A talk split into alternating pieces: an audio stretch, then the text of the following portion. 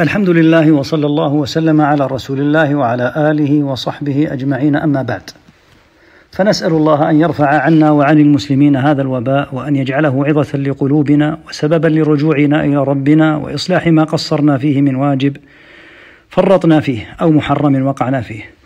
أيها الإخوة والأخوات سأجعل حديثي بعون الله مركزا على أحكام صلاة الجماعة في البيوت لأننا كنا نصليها بحمد الله في المساجد لكن بعد أن وقع هذا الوباء لم نتمكن من أدائها في المساجد. وذلك يستدعي التنبيه على أمور تتعلق بصلاة الجماعة بعد أن صارت تؤدى في البيوت. وهذا ما سيأتي في الفقرات الآتية بعون الله. الفقرة الأولى من نعمة الله وكرمه أن من منعه عن صلاة الجمعة أو الجماعة عذر من الأعذار فإن أجره يكتب كاملا. لقول النبي صلى الله عليه وسلم إذا مرض العبد أو سافر كتب له مثل ما كان يعمل مقيما صحيحا. رواه البخاري. فليفرح المؤمن بفضل الله أن يكتب له أجره إذا منعه العذر. والعذر المانع من الجماعة هنا هو خوف حدوث المرض. قال الفقهاء في ذكر الأعذار المبيحة لترك الجمعة والجماعة يعذر بترك الجمعة والجماعة المريض والخائف حدوث المرض. وهذا الحال الذي نحن فيه من النوع الثاني وهو خوف حدوث المرض بانتقاله بإذن الله لو اجتمع الناس في المسجد. وعلى من كان يتخلف عن الجماعة سابقا أن يتقي الله ويعزم على أدائها عزيمة صادقة إذا رفع الله بكرمه هذا الداء وليكن ما وقع للناس موطن عبرة له لتدارك ما فاته من الخير. الفقرة الثانية إذا أراد أهل المنزل أن يصلوا جماعة فليلاحظوا إقامة الصلاة قبل أن يشرعوا في الصلاة. وليلاحظ من يؤمهم أن يسويهم ويجعل النساء خلف الرجال فلا يصح أن تصف أن تصف المرأة مع الرجل حتى لو كانت من محارمه. الفقرة الثالثة يجب على من يؤم أهله أن يعرف أحكام الإمامة. فإنه كان فيما سبق مأموما والآن هو إمام فيجب أن يعرف ما تصح به صلاته وصلاة من خلفه وما الذي يبطلها.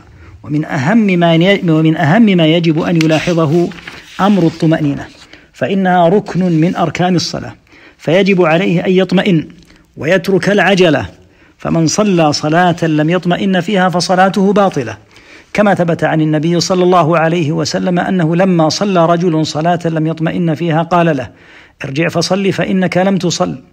فأعاد الرجل صلاته ثانية فكرر عليه النبي صلى الله عليه وسلم قوله ارجع فصل فإنك لم تصل. فأعاد صلاته فكرر عليه النبي صلى الله عليه وسلم قوله فقال الرجل والذي بعثك بالحق يا رسول الله ما أحسن غيره؟ فعلمني.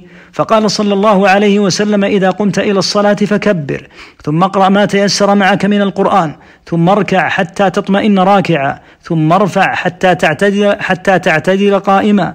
ثم اسجد حتى تطمئن ساجدا.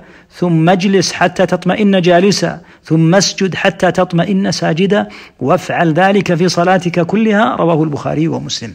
فتأمل كيف كرر النبي صلى الله عليه وسلم الأمر بالطمأنينة. وحكم ببطلان صلاته التي لم يطمئن فيها. وروى البخاري أن حذيفة رضي الله عنه رأى رجلا لا يتم الركوع والسجود فقال له ما صليت؟ ولو مت مت على غير سنة محمد صلى الله عليه وسلم. وفي النسائي أنه قال للرجل منذ كم تصلي هذه الصلاة؟ قال منذ أربعين عاما. قال ما صليت منذ أربعين سنة. ولو مت وأنت تصلي هذه الصلاة لمت على غير فطرة محمد صلى الله عليه وسلم. أيها الإخوة لما صار الناس يصلون في بيوتهم صار بعض من لا يطمئن في صلاته يؤم أهله ويصلي بهم صلاة لا يطمئن فيها. وهذه الصلاة كما سمعت لا تجزئه وهو آثم بأدائها على هذه الصفة. لكن زاد الإشكال حين صار هذا المتعجل في صلاته إماما يؤم أهله فاكتسب إثم صلاته بغيره حين صلاها بهم غير مطمئن.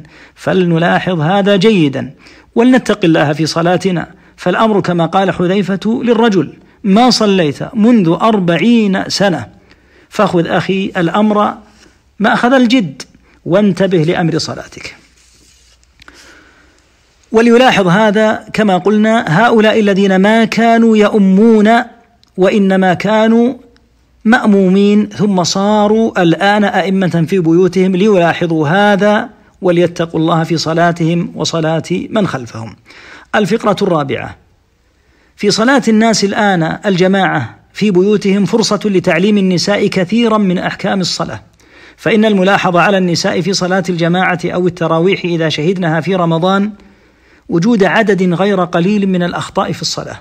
ومن أكثر ما يقع منهن عدم التراص في الصلاة بينهن فيكن في الصف مفرقات وهذا منهي عنه فلا بد أن يتراص أهل الصف الواحد فالرجال يتراصون في صفوفهم والنساء يلزمهن في صفوفهن التراص والا يتركن فروجات فينبغي تعليم النساء ذلك وتعليمهن ما قد يقعن فيه من أخطاء حتى إذا أعادنا الله بكرمه للمساجد وصلت النساء عرفنا هذه الأخطاء فاجتنبناها.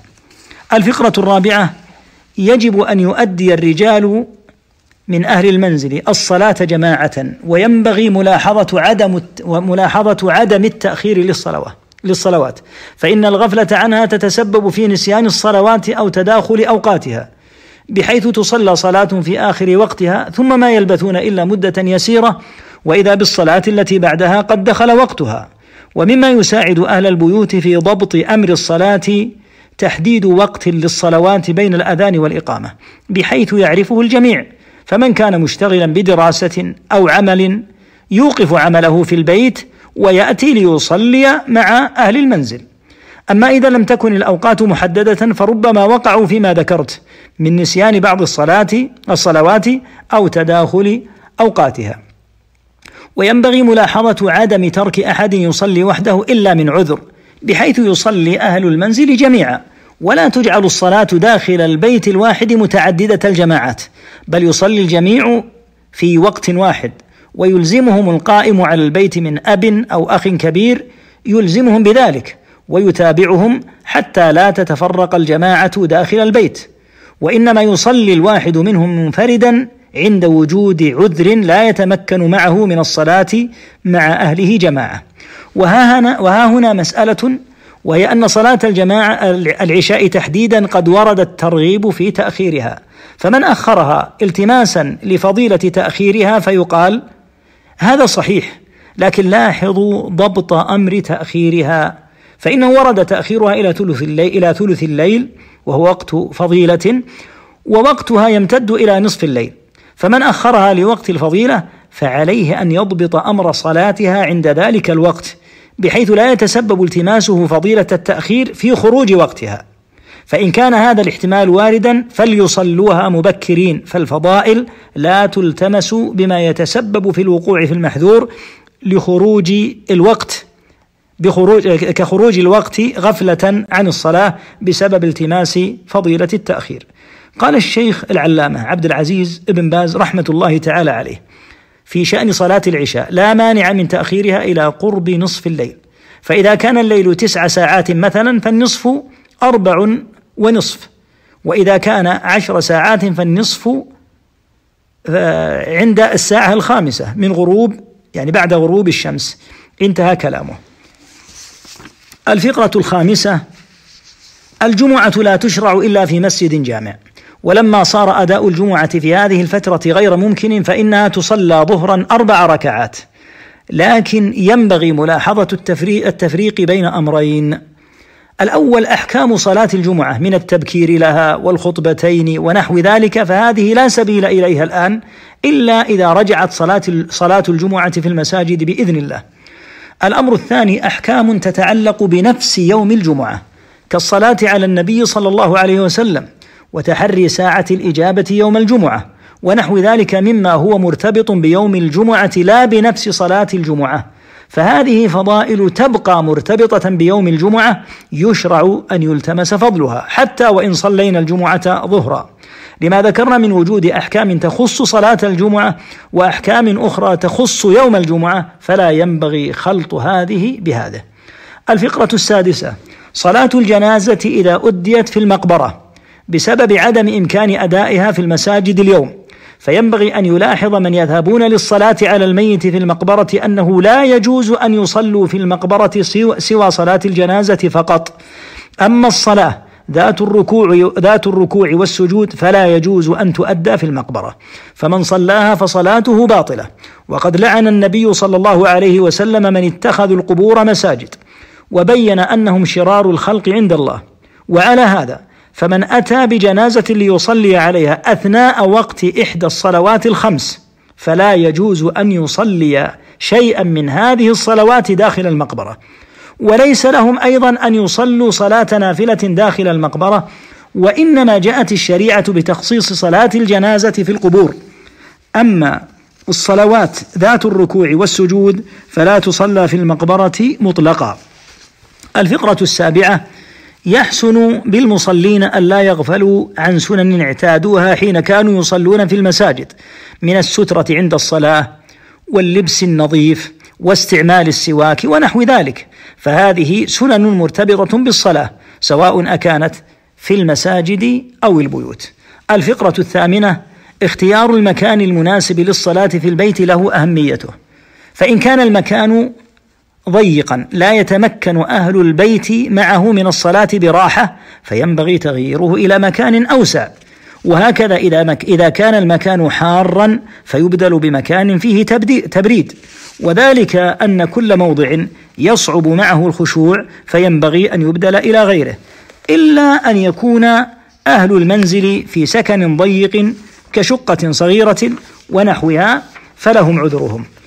ثم إنا نقول لمن كان أعزب وليس معه أحد في البيت صلي هذه الصلاة منفردا وأبشر بأنك بحمد الله عز وجل كما تقدم تكتب لك صلاتك كاملة كما كنت تصليها مع المسلمين في المساجد.